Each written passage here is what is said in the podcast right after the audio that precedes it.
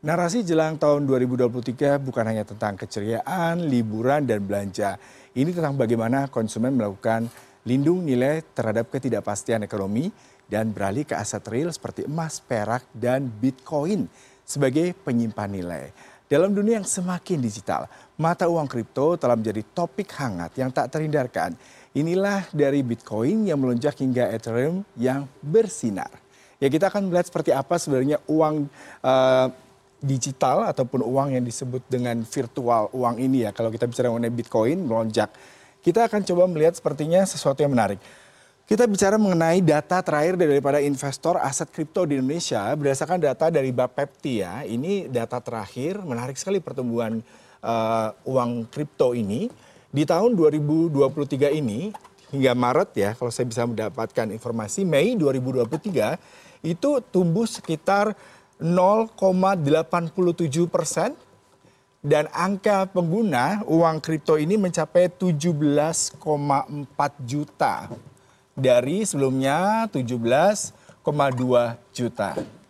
Jumlah yang cukup signifikan dan ini merupakan salah satu kepastian bahwasanya memang terjadi pergeseran dari uang fiat atau uang uh, konvensional ke uang kripto. Dan mata uang kripto ini menggunakan kriptografi. Nah, kripto ini adalah mata uang yang memang dilindungi dengan sistem kriptografi di mana untuk melakukan transaksi mereka menggunakan sistem sandi ya ataupun enkripsi. Kalau kita bicara enkripsi dari uh, teks kemudian mereka menggunakan sistem menggunakan chip virtual ya. Jadi nggak semua orang bisa nih sehingga sebenarnya uang ini jauh lebih aman kalau kita bicara dengan penggandaan uang palsu, uang kartal ataupun uang-uang yang secara uh, manual sering kita perdagangkan. Nah, kalau kita bicara mengenai kriptografi ini sendiri adalah dari bahasa Yunani, kriptografi ini kriptos yang artinya adalah kita bicara mengenai um, rahasia, kriptos sendiri, dan grafien artinya tulisan.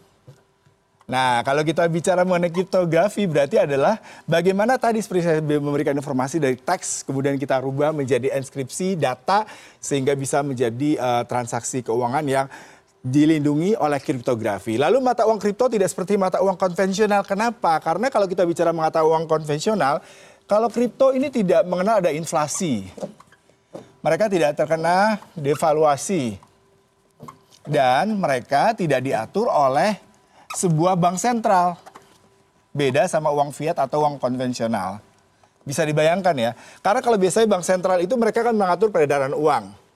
Kalau uang fiat atau uang tradisional ya, atau uang konvensional, peredaran uang. Kalau permintaannya banyak, uh, pasti mereka akan mencetak uang lebih banyak. Kemudian juga ketika uh, demand turun, pemerintah akan melakukan pengontrolan. Tapi kalau kita bicara mengenai uang kripto, memang berbeda daripada uang konvensional karena tadi tidak terkena inflasi, kemudian tidak ada deflasi, dan tidak diatur oleh sebuah bank sentral.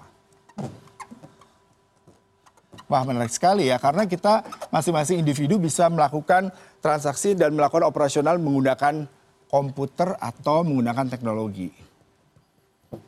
Sesederhana itu. Lalu kalau kita beralih tentang resiko aset kripto ini juga harus kita lihat ya.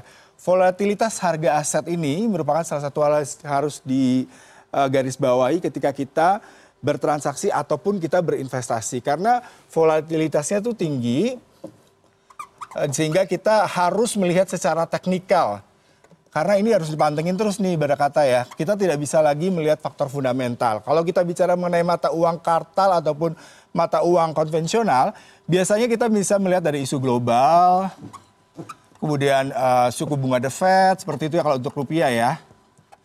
Dan beberapa isu yang terkait dengan geopolitik.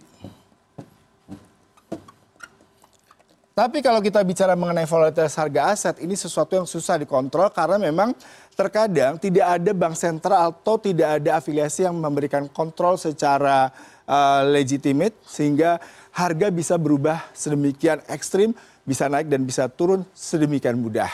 Kemudian resiko kredit. Kalau kita bicara mengenai resiko kredit yang menarik adalah kalau kita menggunakan uang kita hasil dari kredit ataupun kita menggadaikan eh, fasilitas-fasilitas uh, lending kita ataupun aset kita untuk beralih ke kredit yang digunakan untuk membeli Bitcoin atau membeli uh, fasilitas kripto.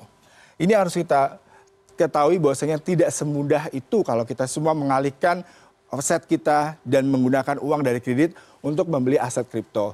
Kemudian desentralisasi ini menarik sekali. Kenapa menarik? Karena tadi seperti saya katakan, tidak adanya sentralisasi terkait dengan penggunaan uang kripto membuat semua orang ataupun para pelaku usaha di bidang kripto ini bisa melakukan intervensi langsung sehingga tidak adanya platform yang melindungi secara legal, kemudian juga tidak adanya bank sentral membuat desintermediasi ini menjadi salah satu hal yang harus kita perhatikan. Kemudian yang menarik lainnya, nah ada istilah yang biasa kita kenal selama ini, fear of missing out dan joy of missing out atau FOMO dan JOMO dalam investasi. Nah sebenarnya istilah ini tidak hanya dalam generasi muda tapi sangat related dengan para pelaku investor ataupun pelaku bisnis transaksi kripto galangan muda. Nah, kenapa ini perlu diperhatikan ya? Banyak sekali kasus yang menarik yang bisa menjadi salah satu background kenapa FOMO atau fear of missing out ini berbahaya buat para pelaku uh, investasi di dunia kripto karena tadi saya katakan ya volatilitasnya tinggi membuat membuat orang-orang melakukan investasi secara terburu-buru, apalagi kalau kita melihat dari sosial media. Biasanya anak-anak generasi muda ini sangat FOMO melihat ini bagian daripada kemajuan teknologi, kemudian banyak diviralkan di sosial media, kemudian juga mereka melihat keuntungannya begitu besar.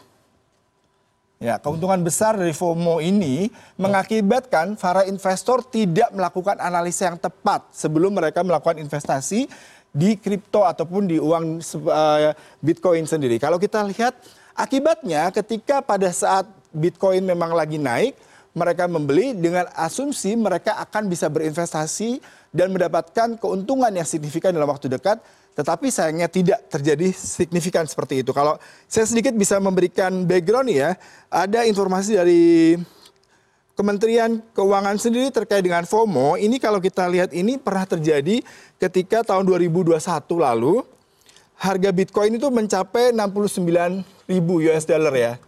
Dan semua orang pada FOMO langsung berinvestasi untuk membeli ini dengan asumsi mereka akan mendapatkan keuntungan secepat itu. Tetapi sayangnya karena tadi volatilitasnya tinggi mengakibatkan uang-uang Bitcoin ini langsung anjlok dan mereka kehilangan uang di investasi. Nah, apa sementara itu perbandingan dengan JOMO? Joy of missing out. Jadi mereka tidak terburu-buru. Biasanya adalah pelaku investasi yang akan lebih berhati-hati menganalisa kemungkinan resiko tinggi apabila mereka melakukan investasi di uang-uang digital ini dan mereka melihat apakah memang turnovernya, kemudian juga high risknya seperti apa dan mereka memahami secara uh, tidak hanya mengikuti tren, tetapi mereka juga melakukan analisa yang tepat dan mereka memahami secara fundamental mengapa mereka berinvestasi di dalam uang-uang kripto tersebut. Ya, itu tadi informasi terkait dengan bagaimana uang kripto Bitcoin yang saat ini sedang melesat tinggi.